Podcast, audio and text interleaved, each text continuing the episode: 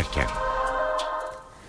NTV Radyo'dan iyi günler. Saat 17 NTV Radyo'da eve dönerken haberlerde birlikteyiz. Ben Sultan Arınır. Türkiye ve dünya ilişkin önemli haberleri sizlere aktaracağız ama önce gündemden önemli satır başlarına bakalım. Siyasete Cumhurbaşkanı Abdullah Gül ve eşi Hayrun İsa Gül'ün mesajları damgasını vurdu. Gül AK Parti cenahından kendisine saygısızlık yapıldığını söyledi. Hayrun İsa Gül ise daha sert konuştu. Bizi çok üzdüler artık susmayacağım, intifada başlayacağım dedi, başlatacağım dedi. Mesajlar bugün muhalefetin de gündeminde. MHP lideri Devlet Bahçeli bu mesajların ardından Gül'e öyleyse elini taşın altına koy mesajı gönderdi. Recep Tayyip Erdoğan ise Cumhurbaşkanı olduktan sonra miting yaparsa aynı gün, aynı saatte, aynı yerde olacaklarını söyledi. Fındığa %70, buğdaya %30 zam geldi. Henüz çarşıya yansımadı ama gıda sanayicilerine göre hükümet müdahale etmezse zam kapıda. Ve Danıştay son noktayı koydu. İstanbul'un tarihi süliyetini bozan gökdelen tıraşlanacak. Öne çıkan başlıklar böyle. Şimdi ayrıntılara geçelim.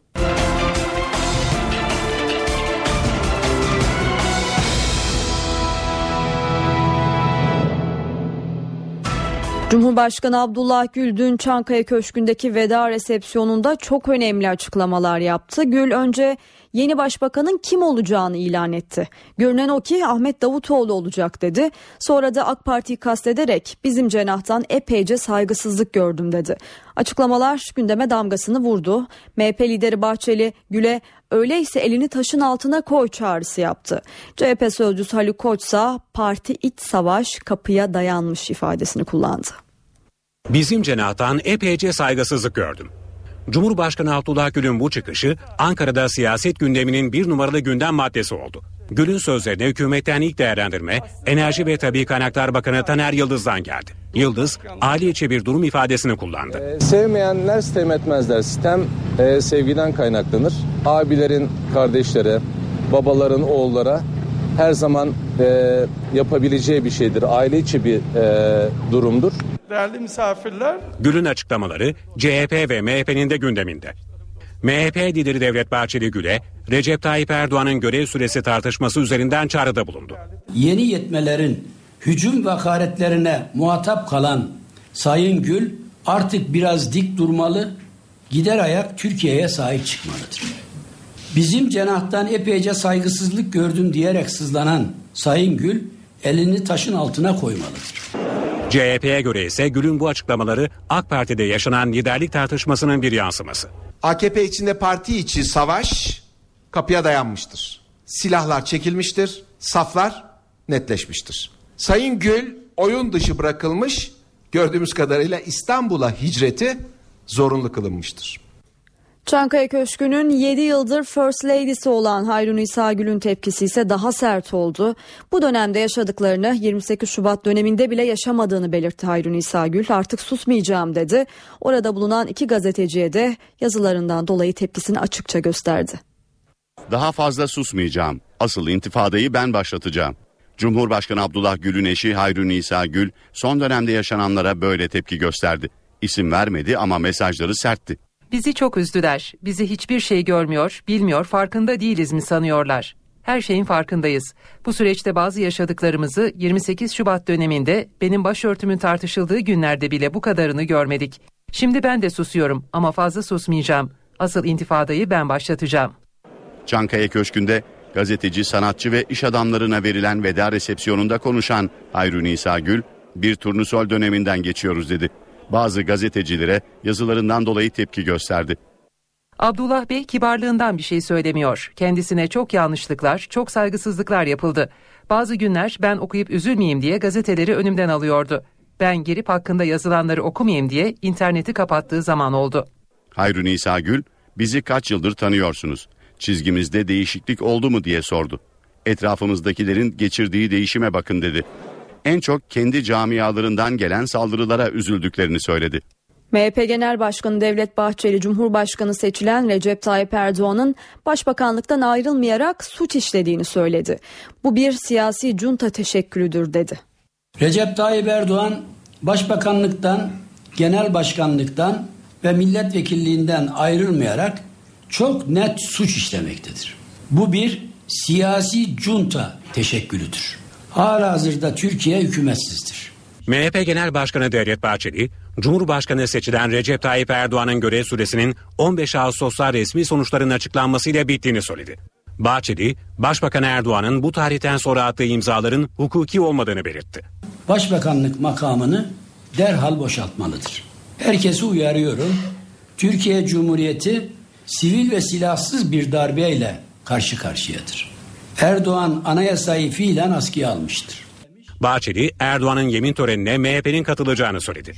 Erdoğan'ın Cumhurbaşkanı olarak miting yapması durumunda ne yapacaklarını açıkladı. Cumhurbaşkanı seçildikten sonra geçmişteki alış, alışkanlığı paralelinde 81 ilde miting yapmayı düşünenin amacı netleştikten sonra Milliyetçi Hareket Partisi Sayın Erdoğan nerede miting yapıyorsa aynı yerde, aynı gün, aynı saatte miting yapacaktır. Diyarbakır Lice'deki heykel gerilimi de MHP liderinin gündemindeydi. Mehmetçiğe ilk kurşunu sıkan teröristin heykelini dikenler ve tepkiler karşısında yıkmak zorunda kalanlar aynı yolun yolcusudur. PKK heykelini dikenler kadar dikilmesini seyredenler de işlenen suça ortaktır. Başbakanlık Merkez Binası'nda önemli bir toplantı var. Başbakan Yardımcısı Beşir Atalay'ın başkanlığındaki toplantının gündemi çözüm süreci. NTV muhabiri Murat Barış Koralp orada. Murat dün Atalay'ın NTV yayında söylediği Kandil'e doğrudan görüşülebilir sözleri bugün gazetelerin manşetinde. Toplantıda acaba bu konuda gündeme gelir mi ne dersin? Kuşkusuz başlıklardan biri bu olacak ama diğer yandan Diyarbakır'daki heykel gerilimi, dün Van'dan gelen şehit haberi ve bugün doğudaki dört merkezden gelen PKK'nın taciz ateşi açtığına dair haberler. Yine Başbakan Yardımcısı Beşir Atalay'ın dün NTV yayınında işaret ettiği çözüm süreci başlığında Eylül sonuna kadar oluşturulacak yeni yol haritası. Tüm bu sıcak başlıklar Başbakan Yardımcısı Beşir Atalay başkanlığında yapılan toplantıda ele alınacak. Katılımcılar dikkat çekici. Başbakan Yardımcısı Beşir Atalay'ın yanı sıra Dışişleri Bakanı Ahmet Davutoğlu, İçişleri Bakanı Efkan Ala, MİT Müsteşarı Hakan Fidan ve AK Parti Genel Başkan Yardımcısı Numan Kurtulmuş bu toplantıya katılan isimler. HDP heyetinin hafta sonunda yaptığı İmralı ziyareti de bu kapsamda bu toplantıda ele alınacak başlıklar arasında bulunuyor. Ayrıca bu toplantıda eve dönüş süreciyle ilgili yapılması planlanan olası yasal düzenlemelerde konuşulacak. Başbakan Yardımcısı Beşir Atalay'ın oluşturulacak bir heyetin Kandil'le direkt görüşmesini istiyorum sözlerinin altyapısı da bugünkü toplantıda görüşülüyor. Murat Barış Koralp NTV Radyo Ankara. Van'ın Saray ilçesinde kaçakçılara karşı devriye görevi yapan askeri itime PKK'lılar tarafından ateş açıldı. 23 yaşındaki Teğmen Emre As şehit oldu, birer ise yaralandı. Teğmen As'ın bir ay önce Van'ın Yamanyurt sınır karakolunda göreve başladığı, bugün törenle memleketi Tokat'ın Zile ilçesine gönderildiği açıklandı. Diyarbakır Lice ilçesinde heykel operasyonundan döndükten sonra 26 yaşındaki uzman erbaş Uğur İnal kaza kurşunuyla şehit olmuştu. Şehit asker Diyarbakır Asker Hastanesi'ndeki törenden sonra memlekete Tarsus'a uğurlandı. Ergenekon davasının firari sanığı Bedrettin Dalan'ın hakkındaki yakalama kararının kaldırılması talebi reddedildi. Avukatı Dalan'a yönelik soruşturma yürüten polislerin paralel yapı gerekçesiyle tutuklanması üzerine mahkemeye başvurmuş. Tutuklanmayacağı garantisi verilirse Dalan'ın Türkiye'ye dönebileceğini bildirmişti. İstanbul 6. Ağır Ceza Mahkemesi bu talebi reddetti. Avukat Celal Ülgen ikişer kez müebbet hapis cezası alanların bile özgür olduğunu söyledi. Dalan için ülkesine gelme ve hasret giderme olanağı tanınmasını, tanınmaması kamuoyunun takdirlerine sunuyoruz dedi. İzmir'de yasa dışı dinlemeye ilişkin soruşturmada gözaltı sayısı 30'a yükseldi. 32 kişi hakkında yakalama kararı verilmişti. İki kişi ise halen aranıyor. Emniyete teslim olanlar arasında dönemin istihbarat şube müdür yardımcısı Taner Aydın da var. Şüpheliler suç işlemek amacıyla örgüt kurmak, resmi görevi kötüye kullanmak ve özel hayatın gizliliğini ihlalle suçlanıyor. Kumurgaz'da fırtınalı havada deniz bisikletiyle açılan 5 gençten hala haber yok. Mikail Çelik, Şükrü Kahraman, Yusuf Büyükizgi, Serdar Demir ve Doğan Demir 4 gündür denizde aranıyor. Tekirdağ'dan Marmara Adası'na kadar olan geniş alandaki arama çalışmaları havadan ve denizden yürütülüyor. Deniz polisi, AFAD ve sahil güvenliği yanı sıra gönüllü ekipler de katılıyor. Acı ve umutla bekleyen ailelerse deniz bisikletini kiralayanlar hakkında suç duyurusunda bulundu.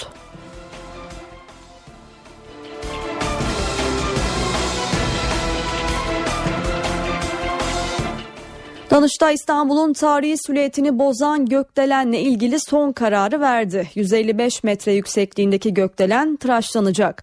Söz konusu gökdelene Başbakan Recep Tayyip Erdoğan da tepki göstermiş. Tıraşlanmasını rica ettiğini, bunu yapmadığı için de o iş adamıyla konuşmadığını söylemişti. Amerika Birleşik Devletleri'nin Ferguson kasabasında siyahi bir gencin polis kurşunuyla öldürülmesinden sonra dün bir kişi daha yine polis tarafından öldürüldü. 11. gününe giren olayların yayılması bekleniyor. Günlerdir protesto gösterilerine sahne olan Ferguson kasabasında tansiyonu yükseltecek bir gelişme yaşandı. Eyalette siyahi bir genç daha polis tarafından öldürüldü. Siyahi gencin elinde bıçak bulunduğu ve uyarılara rağmen bıçağı bırakmayarak beni öldürün diyerek bağırdığı iddia edildi. Bu olayın Ferguson'da geçen haftadan bu yana yaşanan gerilimi daha da tırmandırabileceği belirtiliyor. Öte yandan Ferguson kasabasında gösterilere devam eden kalabalıkla polis yine karşı karşıya geldi.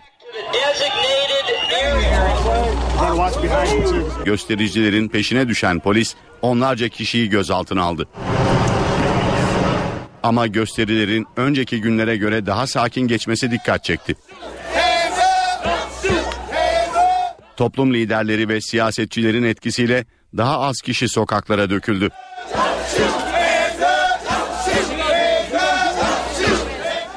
...9 Ağustos'ta Michael Brown adlı siyahi genci öldürerek olayların fitilini ateşleyen polis memuruysa idari izne ayrılmış durumda. Gencin ailesi polisin tutuklanmasını isterken konuyla ilgili açılan davada savcılığın elindeki kanıtları mahkemeye sunması bekleniyor. Polisin yargılanıp yargılanmayacağına jüri karar verecek. Amerika Birleşik Devletleri'nden yeni bir haberi de aktaralım. Ferguson'daki olayları izleyen Anadolu Ajansı muhabiri Bilgin Şaşmaz'ın Amerikan polisi tarafından şiddet kullanılarak gözaltına alındığı bildirildi. Anadolu Ajansı'nın haberine göre gazeteci Bilgin Şaşmaz polis tarafından ölümle tehdit edilip darp edilerek gözaltına alındı. Hafif yaralanan Şaşmaz 5 saat süreyle hücrede tutuldu. Bu konuya ilişkin ayrıntılar geldikçe sizlerle paylaşacağız.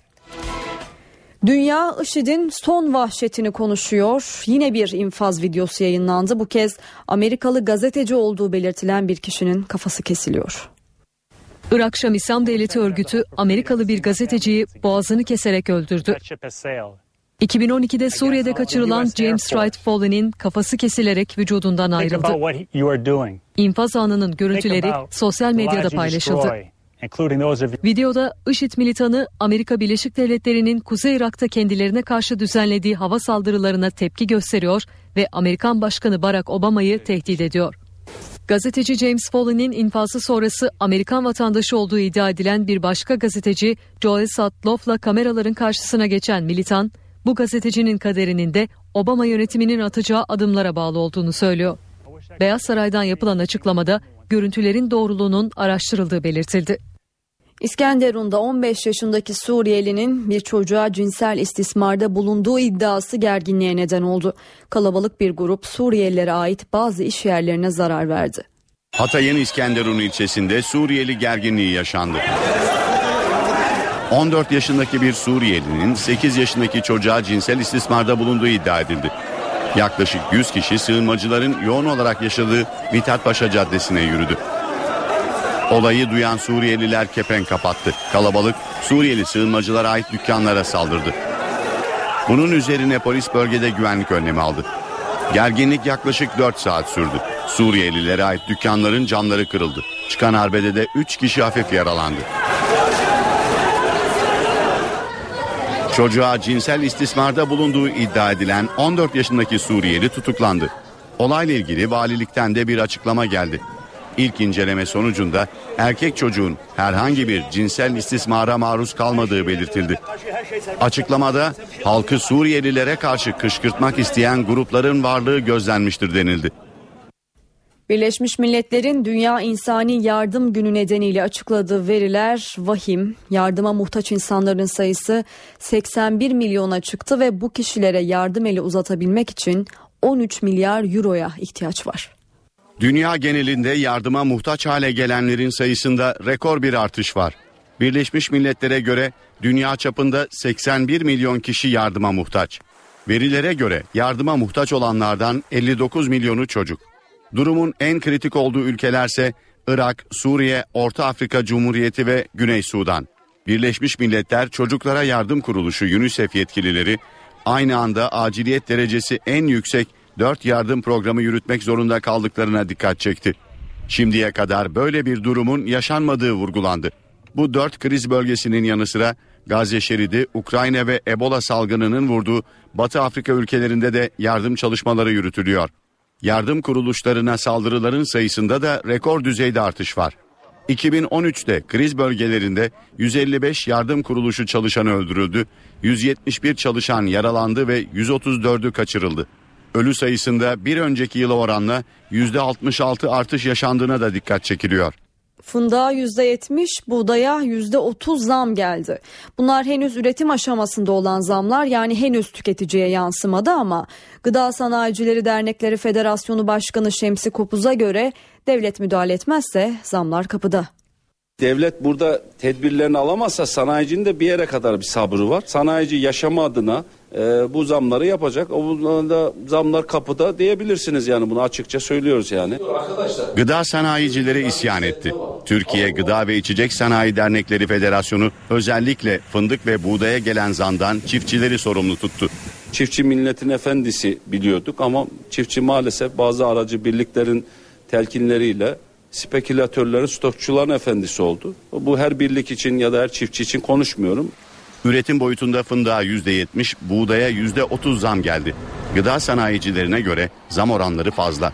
Bu ülkede 550 bin ton fındık e, yetişiyorsa, %70 fındık zam yiyorsa burada o zaman bir takım spekülatif hareketler var. Buğdayda 18 milyon ton hasat olmuş. Ülkenin ihtiyacı 18 milyon ton ama %30 zam görüyor. Şemsi Kopuz'a göre çarşı pazara gelen zamlarda kuraklık ve don bahane ediliyor. Vatandaşı doğru, etik, ticarete davet ediyorum. Üreticiden çiftçiye, birliklere her kesimi buna davet ediyorum. Yani bu küresel ısınma, bahane, don, yok Rusya ihracat küçük hesap, günlük hesapları yapmayalım. Devletin burada bir düzenleyici rolüne geçmesi lazım. Gıda sanayicilerine göre üretim ayağındaki zamlar yakında tüketiciye yansıyacak. Fındık, Antep fıstığı, mısır ve buğday fiyatlarındaki artış nedeniyle başta ekmek olmak üzere pek çok ürüne zam gelebilir. Damacana su satışında yeni düzenleme yürürlüğe girdi. Depo ve satış yerleri Halk Sağlığı Müdürlüğü'nün izniyle açılabilecek. Suların güneş görmesi, açık kasada taşınması yasak olacak. Su satış yerinde damacanalarla PET, PVC ve benzeri kaplarda su satışı yapılıyorsa sular iş yeri önünde teşhir edilemeyecek. Bu hükümler büfe, bakkal, market gibi iş yerleri içinde geçerli olacak. Dünyada eviyle okulu ya da iş yeri arasında en fazla yol gidenler İstanbullular. 15 metropolü karşılaştıran araştırmaya göre İstanbul'da evden işe veya okula gitmek için ortalama 22,5 kilometre yol kat ediliyor. Uluslararası bir araştırma şirketi kiralar, bir şişe suyun bedeli, internet fiyatı gibi 7 parametre üzerinden yola çıkarak 15 metropolü karşılaştırdı. Konu trafikte geçirilen süre olunca İstanbul birinciliği kimseye bırakmadı.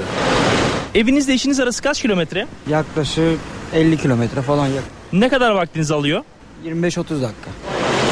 Evinizle işiniz arası kaç kilometre? Evimle işim varsa 25 kilometre. Ne kadar vaktinizi alıyor ortalama? Ya, yaklaşık 40-45 dakika falan. Evinden işine veya okuluna ulaşmak için en uzun mesafeyi kat eden metropol sakini İstanbullu. Bir araştırma şirketinin verilerine göre İstanbul'da yaşayanlar evinden iş yerine veya okuluna gitmek için ortalama 22,5 kilometre yol kat ediyor. Bu rakam Şangay'da 14, Atina'da 13, New York'ta 16 kilometre. Su fiyatında ise İstanbul en ucuz metropollerden biri. Bir şişe su Amsterdam'da yaklaşık 5 lira. Londra'da 4 lirayken İstanbul'da 50 ila 70 kuruş arasında. Ev kiralarının en pahalı olduğu metropol Singapur olurken İstanbul bu listede sondan ikinci sırada yer alıyor. Yarın hava nasıl olacak ona da bakalım. Sözü NTV Meteoroloji Editörü Gökhan Abur'a bırakıyoruz. İyi akşamlar. Batıda azalan sıcaklıklar yeniden yükselmeye başladı. Yağışlar da şimdilik etkisini kaybetti. Sıcaklıklar yarın ve cuma günde yükselmeye devam edecek. Önümüzdeki hafta ise Trakya'dan başlayarak havanın yeniden serinlemesini bekliyoruz. Yarın batıda sıcaklıklar yeniden yükselirken Doğu Karadeniz'de Rize Artvin, doğuda ise Kars Ardahan arasında yerel yağışlar görülecek. Doğudaki yağışların hafif de olsa cuma ve cumartesi günü aralıklara devam etmesini bekliyoruz. İstanbul'da yarın hava açık. Sıcaklık ise gündüz 31, gece 23 derece olacak. Nem oranı azalır o bakımdan bunaltıcılık fazla olmayacak. Ankara'da önümüzdeki günlerde hava açık ve sıcaklık gündüz 30, gece ise 18 derece olacak. İzmir'de hava bunaltıcı, rüzgar oldukça zayıf. Sıcaklık ise gündüz 34, gece 24 derece olacak.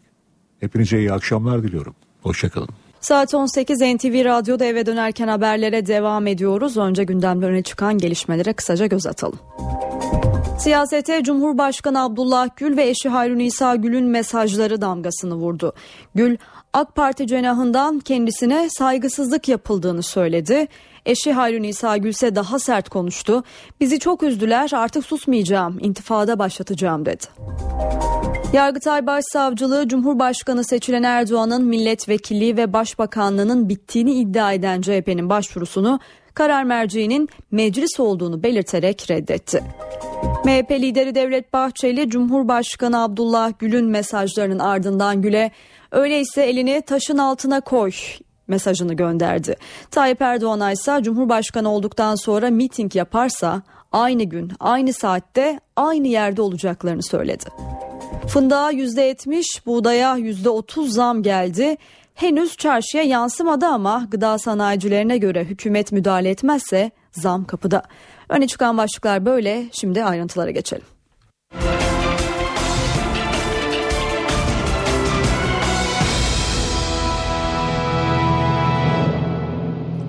Ankara Cumhurbaşkanı Abdullah Gül ve eşinin mesajlarını konuşuyor. Gül partisinden kendisine saygısızlık yapıldığını söylerken yeni başbakanın adını da ilan etti.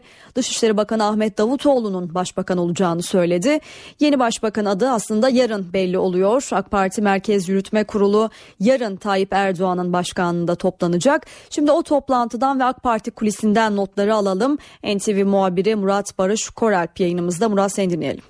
Yarın AK Parti'de kritik bir toplantı var. Merkez Yürütme Kurulu toplanacak. Bu toplantıda AK Parti'nin genel başkanı ve başbakan kim olacak sorusu cevabını bulacak.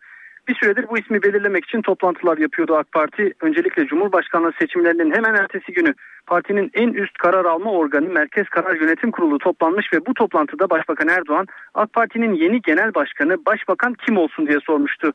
Bunu da daha önce denenmemiş bir yöntemle yapmıştı. Kurul üyelerinden tek bir ismi yazarak kendisine vermelerini istemişti.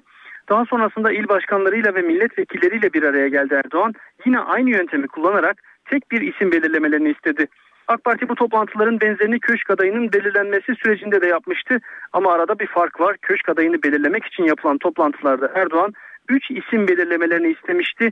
Bu kez başbakan ismi konusunda tek bir isim istedi bu toplantıya katılanlardan aslında dün köşkteki veda resepsiyonunda Cumhurbaşkanı Abdullah Gül Ahmet Davutoğlu'nun başbakan olacağını söylemişti ama aday yarın resmen duyurulacak. Başbakan Erdoğan ise genel başkan ve yeni başbakan kim olmalı bunun kriterlerini daha önce açıklamıştı. Başbakan olacak kişi genel başkan da olmalı, güçlü olmalı ve 3 dönem kuralına takılmayan biri olmalı demişti. Yarın AK Parti'nin Merkez Yürütme Kurulu toplantısında yeni genel başkan ve 62. hükümetin yeni başbakanı belirlenecek. Sultan Recep Tayyip Erdoğan'ın Cumhurbaşkanı seçilmesinin ardından başbakanlık görevinden ayrılması gerekip gerekmediği tartışmalarına Yargıtay Başsavcılığı son noktayı koydu.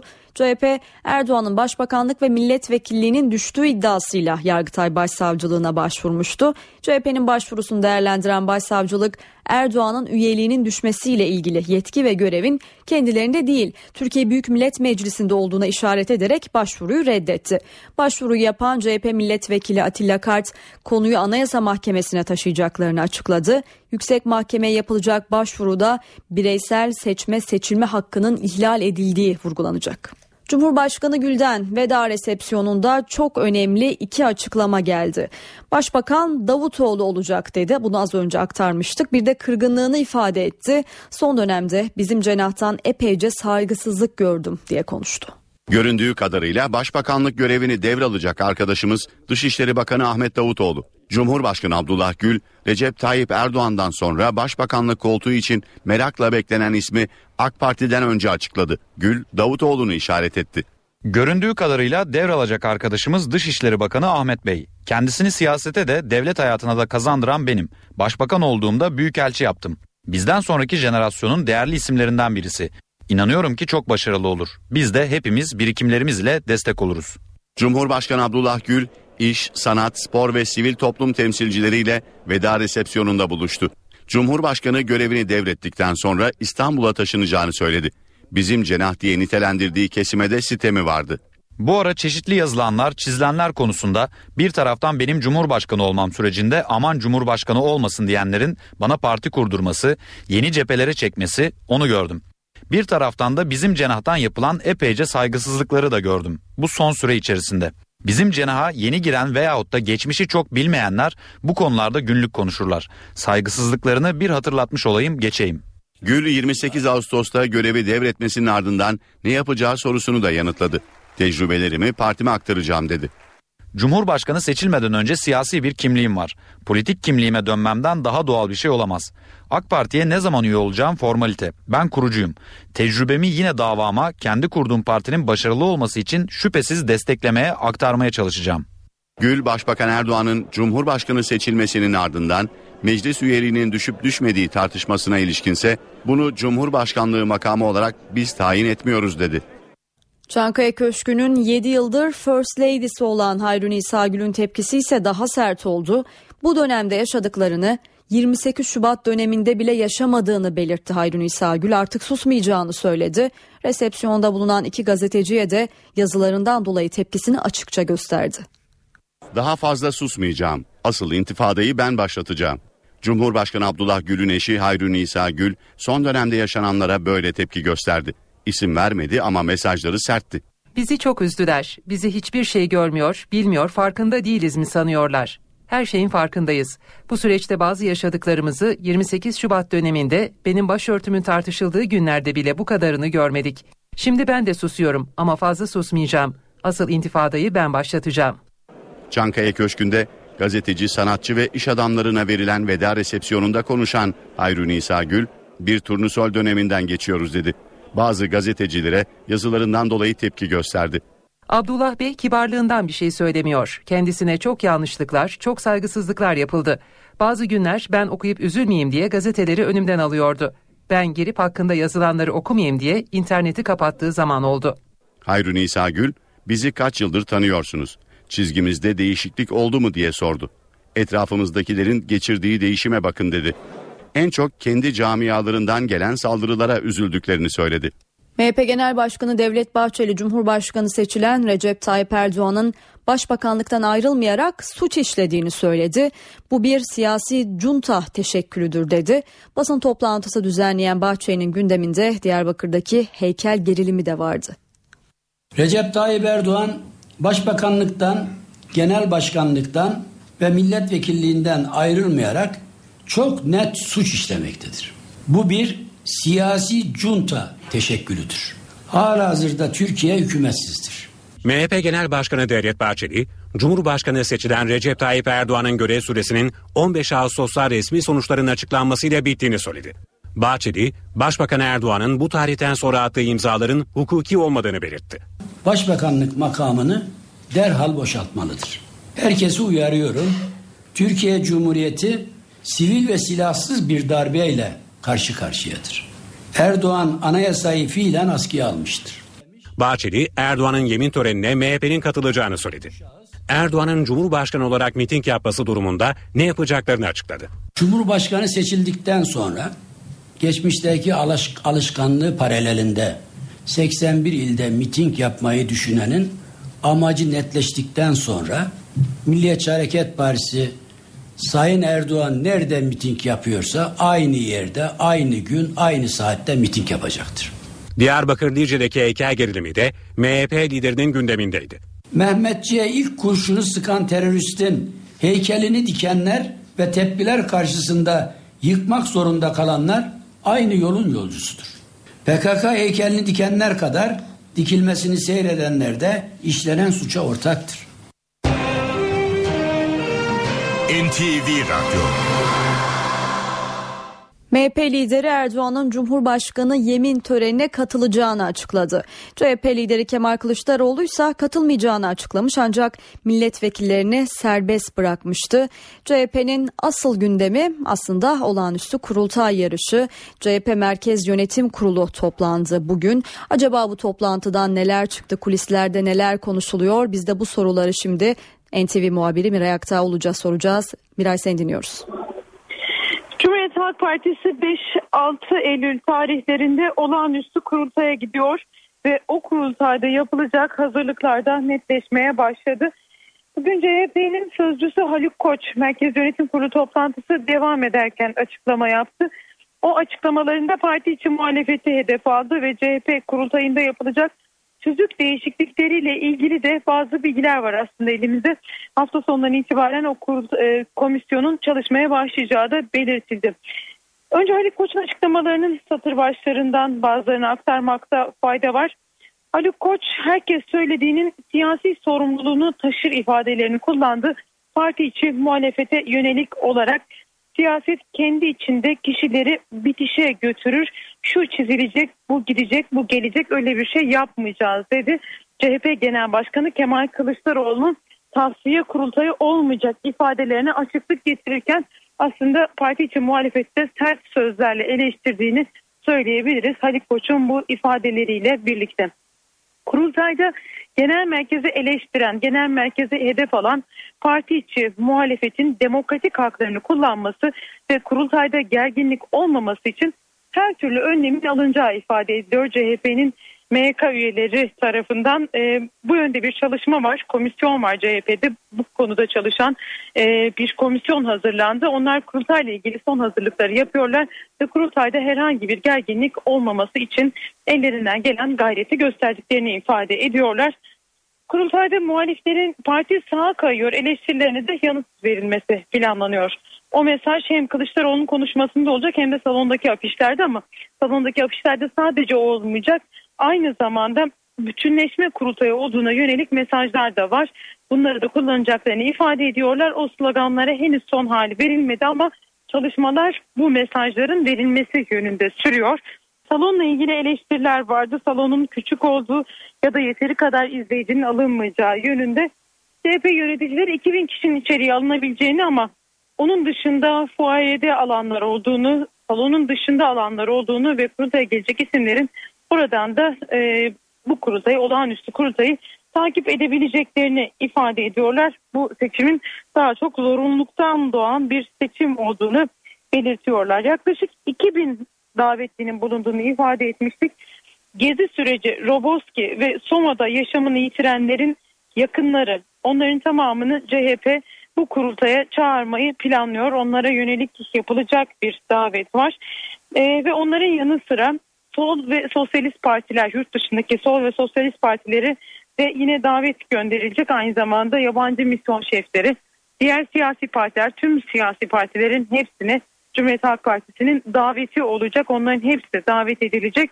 CHP'nin kurultayına sanatçılar, spor ve iş dünyasının isimler de yine kurultaya davet edilecek gibi görünüyor.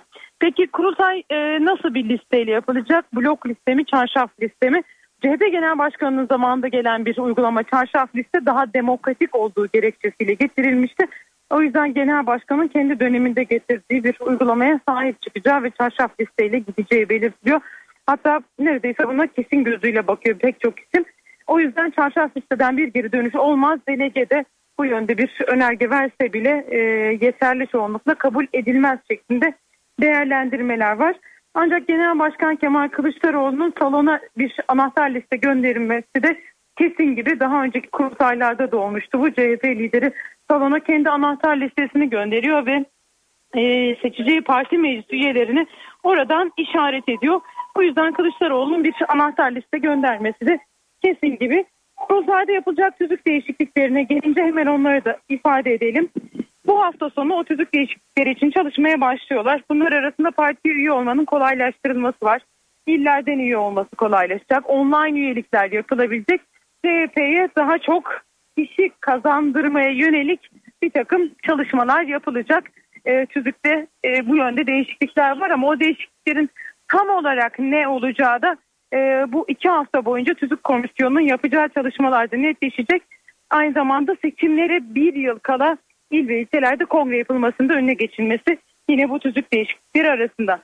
Son not olarak basın nasıl çalışacak onu da aktaralım. İki ayrı salon var basın için hazırlanan. İki ayrı kart hazırlanıyor. Biri mavi biri sarı kart. Salondan e, içeriden takip edecek olan basın mensuplarına sarı renkli kart. Dışarıdan takip edecek olan basın mensuplarına ise mavi renkli kartlar verileceği ifade edildi. Belki bu bir tartışma yaratır mı? Onu göreceğiz önümüzdeki günlerde. Bunun yanı sıra yine basın mensuplarına e, ortak bir yayın yapılacağı da belirtildi. AK Parti kurultaylarında olduğu gibi e, tek bir e, yerden e, bir yayın da yapmaya hazırlanıyor Cumhuriyet Halk Partisi. E, basınla ilgili çalışmalarda bu şekilde gibi görünüyor. Şu sıralarda da zaten birkaç gün daha o akreditasyon çalışmaları devam edecek. Ve onun sonunda da e, ne kadar basın mensubunun izleyeceği de netleşmiş olacak. Cumhuriyet Halk Partisi kurultayını kurultayla ilgili son detaylar hazırlıklara ilişkinde son detaylar özetle bu şekilde. Van'ın Saray ilçesinde kaçakçılara karşı devriye görevi yapan askeri time PKK'lar tarafından ateş açıldı. 23 yaşındaki Teğmen Emre Az şehit oldu, birerse yaralandı.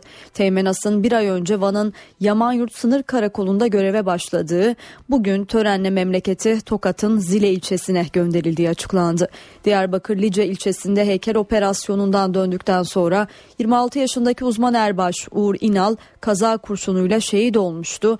Şehit asker Diyarbakır Asker Hastanesi'ndeki törenden sonra memleketi Tarsus'a uğurlandı. Cumhurbaşkanı seçilen Erdoğan adli yıl açılışında Barolar Birliği Başkanı'nın konuşması halinde törene katılmayacağını açıklamıştı.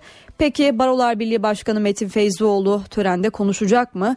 Bu konuda kararı Yargıtay verecek. Yüksek Mahkemenin Feyzoğlu'nu veto etmesi durumunda Yarsa ve Türkiye Barolar Birliği alternatif yargı yılı açılış töreni düzenleme kararı aldı ve söz konusu töreninde resmi törenlerle aynı gün gerçekleştirilmesi bekleniyor. Ergenekon davasının firari sanığı Bedrettin Dalan'ın hakkındaki yakalama kararının kaldırılması talebi reddedildi. Avukatı Dalan'a yönelik soruşturma yürüten polislerin paralel yapı gerekçesiyle tutuklanması üzerine mahkemeye başvurmuş. Tutuklanmayacağı garantisi verilirse Dalan'ın Türkiye'ye dönebileceğini bildirmişti. İstanbul 6. Ağır Ceza Mahkemesi bu talebi reddetti. Avukat Celal Ülgen ikişer kez müebbet hapis cezası alanların bile özgür olduğunu söyledi. Dalan için ülkesine gelme ve hasret giderme olanağı tanınmamasını kamuoyunun takdirlerine sunuyoruz dedi. Kumurgaz'da fırtınalı havada deniz bisikletiyle açılan 5 gençten hala haber yok. Gençler 4 gündür denizde aranıyor. Tekirdağ'dan Marmara Adası'na kadar olan geniş alandaki arama çalışmaları hem havadan hem de denizden yürütülüyor. Deniz polisi, AFAD ve sahil güvenliğin yanı sıra gönüllü ekipler de destek oluyor. Acı ve umutla bekleyen ailelerse deniz bisikletini kiralayanlar hakkında suç duyurusunda bulundu. İskenderun'da 15 yaşındaki Suriyelinin bir çocuğa cinsel istismarda bulunduğu iddiası gerginliğe neden oldu. Kalabalık bir grup Suriyelilere ait bazı iş yerlerine zarar verdi. Hatay'ın İskenderun ilçesinde Suriyeli gerginliği yaşandı. 14 yaşındaki bir Suriyelinin 8 yaşındaki çocuğa cinsel istismarda bulunduğu iddia edildi. Yaklaşık 100 kişi sığınmacıların yoğun olarak yaşadığı Mithat Caddesi'ne yürüdü. Olayı duyan Suriyeliler kepen kapattı. Kalabalık Suriyeli sığınmacılara ait dükkanlara saldırdı. Bunun üzerine polis bölgede güvenlik önlemi aldı. Gerginlik yaklaşık 4 saat sürdü. Suriyelilere ait dükkanların camları kırıldı. Çıkan arbedede 3 kişi hafif yaralandı. Çocuğa cinsel istismarda bulunduğu iddia edilen 14 yaşındaki Suriyeli tutuklandı. Olayla ilgili valilikten de bir açıklama geldi. İlk inceleme sonucunda erkek çocuğun herhangi bir cinsel istismara maruz kalmadığı belirtildi. Açıklamada halkı Suriyelilere karşı kışkırtmak isteyen grupların varlığı gözlenmiştir denildi. NTV Radyo Dünya IŞİD'in son vahşetini konuşuyor. Yine bir infaz videosu yayınlandı. Bu kez Amerikalı gazeteci olduğu belirtilen bir kişinin kafası kesiliyor. Irak Şam İslam Devleti örgütü Amerikalı bir gazeteciyi boğazını keserek öldürdü. 2012'de Suriye'de kaçırılan James Wright Foley'nin kafası kesilerek vücudundan ayrıldı. İnfaz anının görüntüleri sosyal medyada paylaşıldı. Videoda IŞİD militanı Amerika Birleşik Devletleri'nin Kuzey Irak'ta kendilerine karşı düzenlediği hava saldırılarına tepki gösteriyor ve Amerikan Başkanı Barack Obama'yı tehdit ediyor. Gazeteci James Foley'nin infazı sonrası Amerikan vatandaşı olduğu iddia edilen bir başka gazeteci Joel Sutloff'la kameraların karşısına geçen militan, bu gazetecinin kaderinin de Obama yönetiminin atacağı adımlara bağlı olduğunu söylüyor. Beyaz Saray'dan yapılan açıklamada görüntülerin doğruluğunun araştırıldığı belirtildi. Amerika Birleşik Devletleri'nde polisin silahsız siyahi bir genci vurmasının ardından 11 gündür süren olaylarda yine bir siyahi genç yine polis tarafından öldürüldü. Ferguson kasabasında şimdi olayların daha da yayılması ve hatta daha da sertleşmesi bekleniyor. Son gelişmeler için New York'a bağlanalım ve NTV temsilcisi Selim Atalay'dan son durumu öğrenelim. Şimdi ikinci e, olay aslında daha polisiye ve e, onun fazla gürültüsü çıkmadı. Yani görgü tanıkları falan da var. E, bir bakkalı soyuyor sonra elinde bıçak e, ve Amerikan polisi elindeki silahı at diye bir kere olmadı iki kere uyarır. Yani e, üçüncü de zaten e, komut öyle e, öldürücü kuvvet kullanmak deniyor. Öyle ayaktan yaralama falan yok. Ona Hollywood hikayesi diyorlar. Öyle bir şey yokmuş. filmlerde olurmuş. Eğer tehdit varsa ve de ilgili kişi o tehdidi sürdürürse polis kendisini ve çevreyi ve canı ve malı korumak için e, öldürücü kuvvet kullanıyor. Yani nedir? E, öldürmek için ateş ediyor ve çoğunlukla da başarıyorlar. Bu o olay kapsamında görülmekte. 2012'de 410 tane böyle olay var. 410 kişi polis kurşunuyla öldürülmüş ve e, dosya e, soruşturmaya gerek olmadığı gerekçesiyle kapatılmış. Yani polis görevini yaptı oluyor. Öyle bir durum. E, o yüzden ikinci olayın henüz fazla gürültüsü çıkmadı. Yani sabah saatlerinde e, St. Louis'te olayın olduğu yere yakın bir noktada bir protesto yapılacak diye medya haber almış. Herkes oraya yüklendi. Ee, bir e, yaklaşık 10 protestocuya karşılık küsür medyacı vardı. Yani medyacılar daha fazlaydı protestoculardan. Onun için o şimdilik duruyor. Asıl bugün yasal süreç başlıyor. Ona bakıyoruz birinci cinayet konusunda. Japonya'nın Hiroşima kenti heyelan nedeniyle sarsıldı. Şiddetli yağışın yol açtığı toprak kaymasında 36 kişi hayatını kaybetti. Çok sayıda da kayıp var. Kurtarma ekipleri evlerinde mahsur kalanlara ulaşmaya çalışıyor. Japonya'nın batısında şiddetli yağış toprak kaymasına neden oldu. Hiroşima kentine bir aylık yağış bir günde düştü. Kentin dağ eteklerinde kurulu bir mahallesi çamura gömüldü. Dağdan kopan kaya ve toprak parçaları birçok evi kullanılamaz hale getirdi. Araçlar sürüklendi. Her yer çamurla kaplanmıştı. Araçlar sürükleniyordu. Sonra her şey kaymaya başladı. Çamur evimizin içine doldurdu. Yapabileceğimiz tek şey ailece bir arada durmak oldu. Ölenlerin yanı sıra çok sayıda kişi de kayboldu. Bu kişilerin kayan toprakla birlikte sürüklendiği tahmin ediliyor. Mahsur kalanları kurtarmak için ekipler aralıksız çalışıyor. Kurtarma çalışmalarına helikopterler de destek veriyor. Meteoroloji yağış nedeniyle toprak kaymalarının sürebileceği uyarısı yapıyor. Birleşmiş Milletler'in Dünya İnsani Yardım Günü nedeniyle açıkladığı veriler vahim. Yardıma muhtaç insanların sayısı 81 milyona çıktı ve bu kişilere yardım eli uzatabilmek için 13 milyar euroya ihtiyaç var. Dünya genelinde yardıma muhtaç hale gelenlerin sayısında rekor bir artış var. Birleşmiş Milletler'e göre dünya çapında 81 milyon kişi yardıma muhtaç. Verilere göre yardıma muhtaç olanlardan 59 milyonu çocuk. Durumun en kritik olduğu ülkelerse Irak, Suriye, Orta Afrika Cumhuriyeti ve Güney Sudan. Birleşmiş Milletler Çocuklara Yardım Kuruluşu UNICEF yetkilileri aynı anda aciliyet derecesi en yüksek 4 yardım programı yürütmek zorunda kaldıklarına dikkat çekti. Şimdiye kadar böyle bir durumun yaşanmadığı vurgulandı. Bu dört kriz bölgesinin yanı sıra Gazze şeridi, Ukrayna ve Ebola salgınının vurduğu Batı Afrika ülkelerinde de yardım çalışmaları yürütülüyor. Yardım kuruluşlarına saldırıların sayısında da rekor düzeyde artış var. 2013'te kriz bölgelerinde 155 yardım kuruluşu çalışanı öldürüldü, 171 çalışan yaralandı ve 134'ü kaçırıldı. Ölü sayısında bir önceki yıla oranla %66 artış yaşandığına da dikkat çekiliyor. Fındığa %70, buğdaya %30 zam geldi. Bunlar henüz üretim aşamasında olan zamlar yani henüz tüketiciye yansımış değil ama Gıda Sanayicileri Dernekleri Federasyonu Başkanı'na göre devlet müdahale etmezse zamlar kapıda. Devlet burada tedbirlerini alamazsa sanayicinin de bir yere kadar bir sabrı var. Sanayici yaşama adına e, bu zamları yapacak. O da zamlar kapıda diyebilirsiniz yani bunu açıkça söylüyoruz yani. Gıda sanayicileri isyan etti. Türkiye Gıda ve İçecek Sanayi Dernekleri Federasyonu özellikle fındık ve buğdaya gelen zamdan çiftçileri sorumlu tuttu. Çiftçi milletin efendisi biliyorduk ama çiftçi maalesef bazı aracı birliklerin telkinleriyle spekülatörlerin, stokçuların efendisi oldu. Bu her birlik için ya da her çiftçi için konuşmuyorum.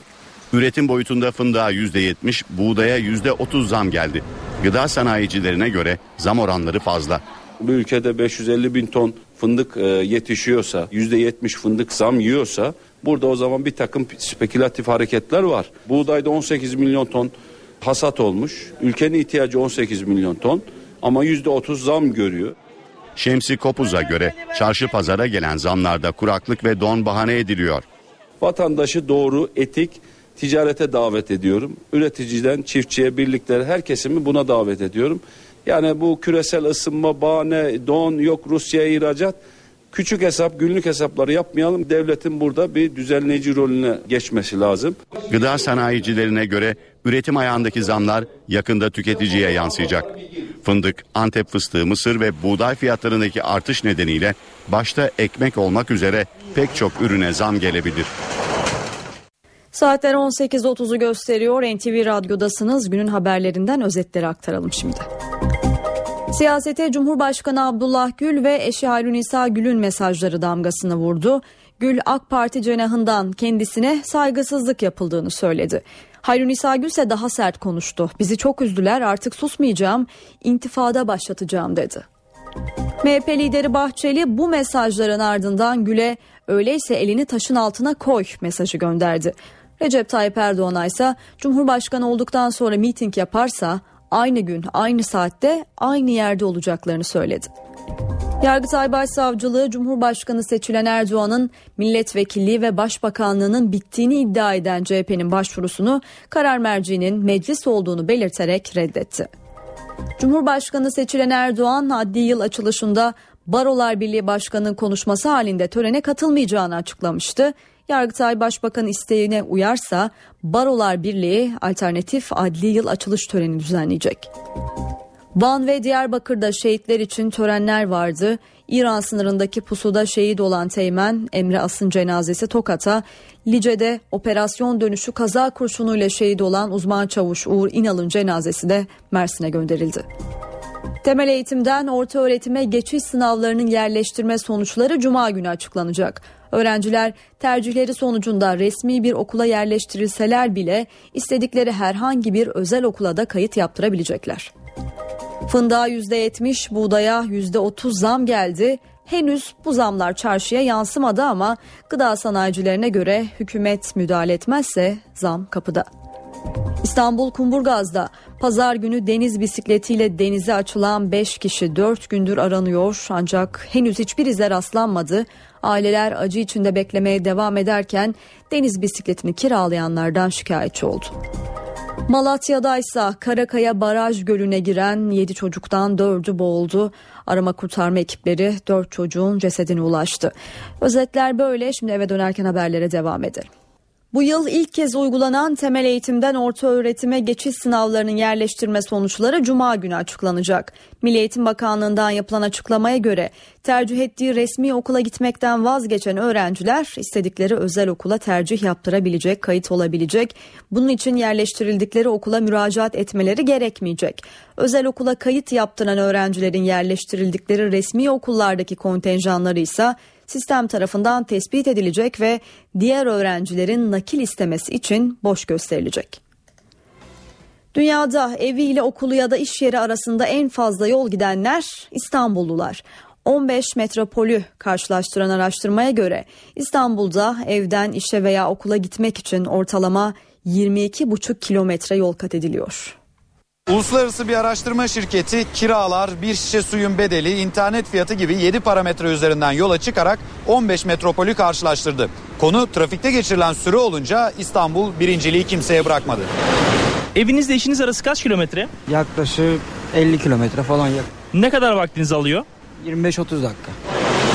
Evinizle işiniz arası kaç kilometre? Evimde işim varsa 25 kilometre. Ne kadar vaktinizi alıyor ortalama? Ya, yaklaşık 40-45 dakika falan. Evinden işine veya okuluna ulaşmak için en uzun mesafeyi kat eden metropol sakini İstanbullu.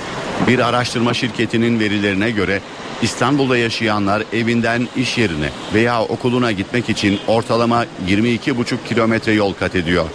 Bu rakam Şangay'da 14, Atina'da 13, New York'ta 16 kilometre. Su fiyatında ise İstanbul en ucuz metropollerden biri. Bir şişe su Amsterdam'da yaklaşık 5 lira.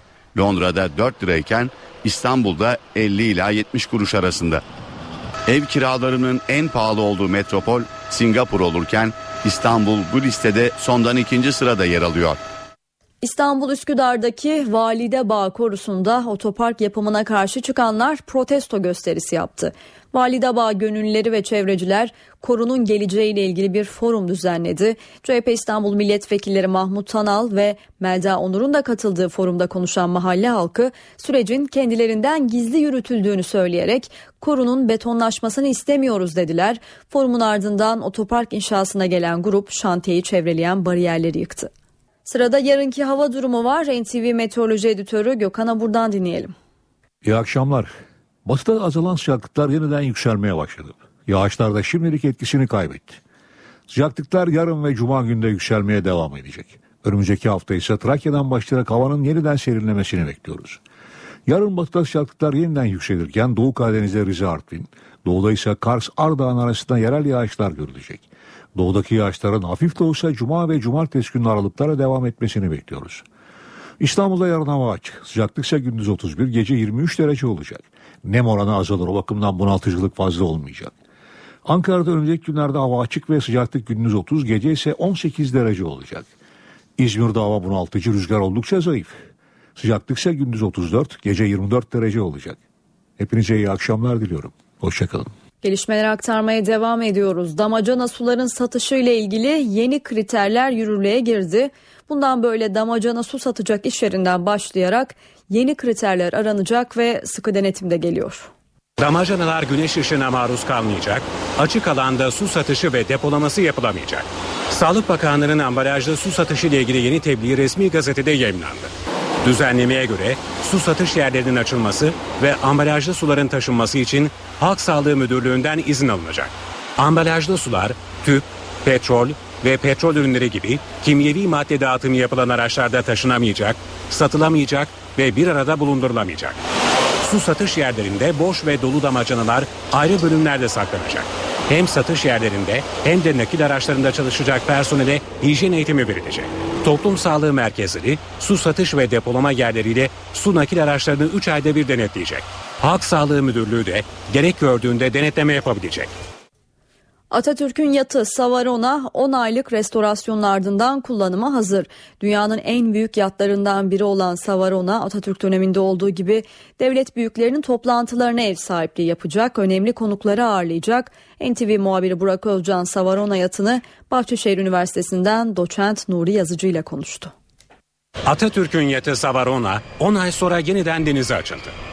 Kültür Bakanlığı'nın bünyesine kattığı ve restorasyondan geçirilen yat deneme seferini Avşa Adası'na yaptı.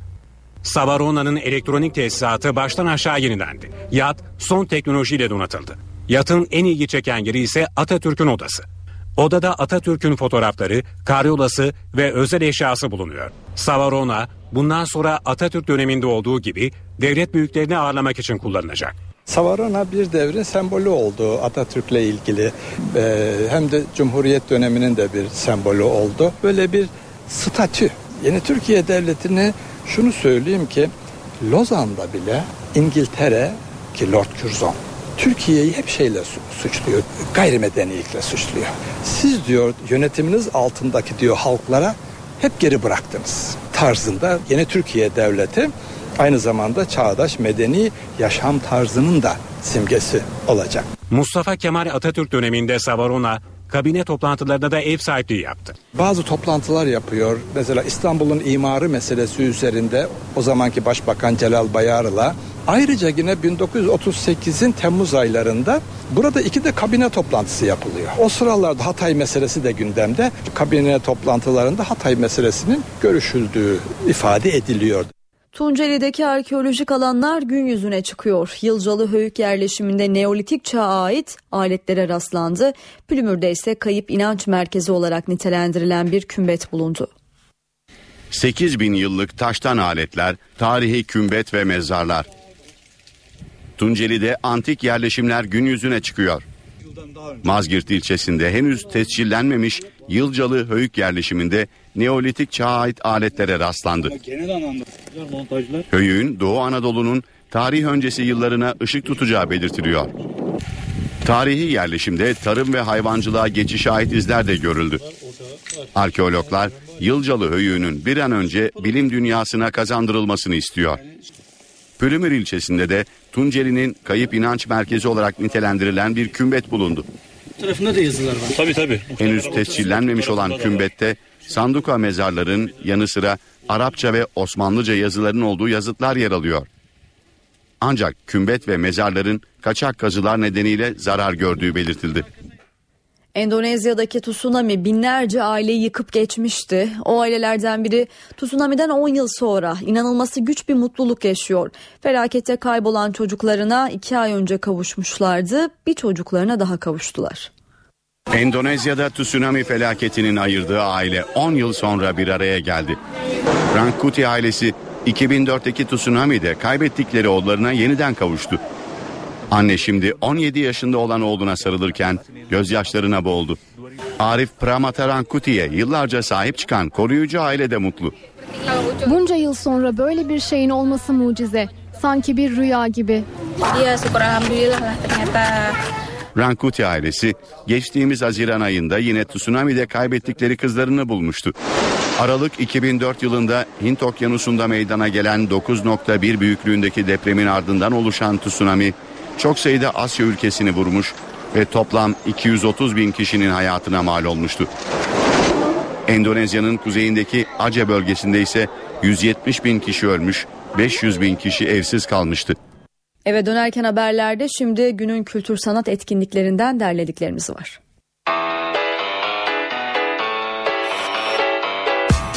...21. Altın Koza Film Festivali kapsamında yapılacak ulusal uzun metraj film yarışmasının finalistleri belli oldu.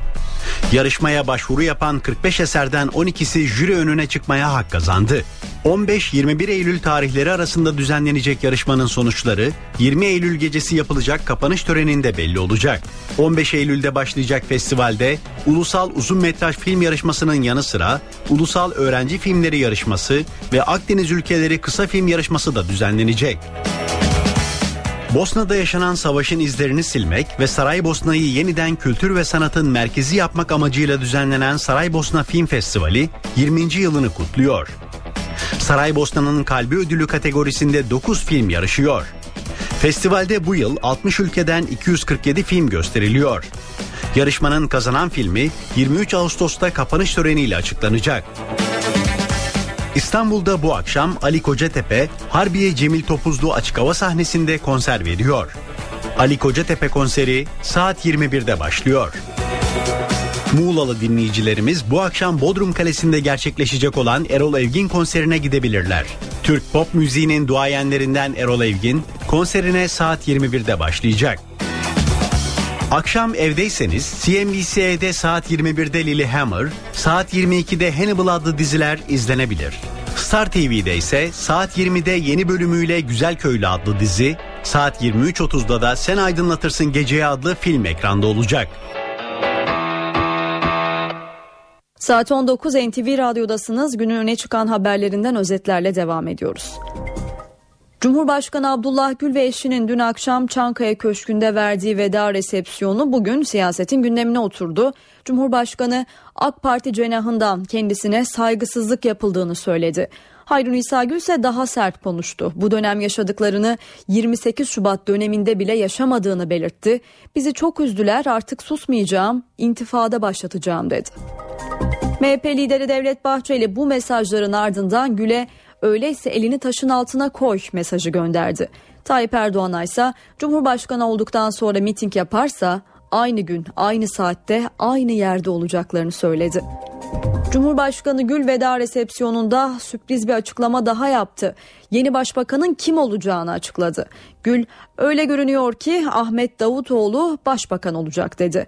AK Parti Merkez Yönetim Kurulu, Merkez Yürütme Kurulu yeni başbakanı ilan etmek için yarın toplanacak. Yargıtay Başsavcılığı Cumhurbaşkanı seçilen Erdoğan'ın milletvekilliği ve başbakanlığının bittiğini iddia eden CHP'nin başvurusunu karar merciğinin meclis olduğunu belirterek reddetti. Başbakanlıkta çözüm sürecine ilişkin bir toplantı yapılıyor. Başbakan Yardımcısı Beşir Atalay yönetimindeki toplantıya Dışişleri, İçişleri, Adalet ve Milli Savunma Bakanlarının yanı sıra MİT Müsteşarı Hakan Fidan ve AK Parti Genel Başkan Yardımcısı Numan Kurtulmuş da katılıyor. Van ve Diyarbakır'da şehitler için törenler vardı. İran sınırındaki pusuda şehit olan Teğmen Emre Asın cenazesi Tokat'a, Lice'de operasyon dönüşü kaza kurşunuyla şehit olan uzman çavuş Uğur İnal'ın cenazesi de Mersin'e gönderildi. Temel eğitimden orta öğretime geçiş sınavlarının yerleştirme sonuçları cuma günü açıklanacak. Öğrenciler tercihleri sonucunda resmi bir okula yerleştirilseler bile istedikleri herhangi bir özel okula da kayıt yaptırabilecekler. İstanbul Zeytinburnu'da şehrin tarihi süliyetini bozan gökdelenler için Danıştay'dan yıkım kararı çıktı. Başbakan Recep Tayyip Erdoğan gökdelenin tıraşlanmasını rica ettiğini, bu ricasının yerine getirmeyen iş adamıyla o günden bu yana konuşmadığını söylemişti. Fındığa %70, buğdaya %30 zam geldi. Henüz bu zamlar çarşıya yansımadı ama gıda sanayicilerine göre hükümet müdahale etmezse zam kapıda. Kumburgaz'da pazar günü deniz bisikletiyle denize açılan 5 kişi 4 gündür aranıyor ancak henüz bir ize rastlanmadı. Aileler acı içinde beklemeye devam ederken deniz bisikletini kiralayanlardan şikayetçi. Malatya'da Karakaya Baraj Gölü'ne giren 7 çocuktan 4'ü de boğuldu. Arama kurtarma ekipleri 4 çocuğun cesedine ulaştı. Eve dönerken haberleri noktalıyoruz. Hoşçakalın.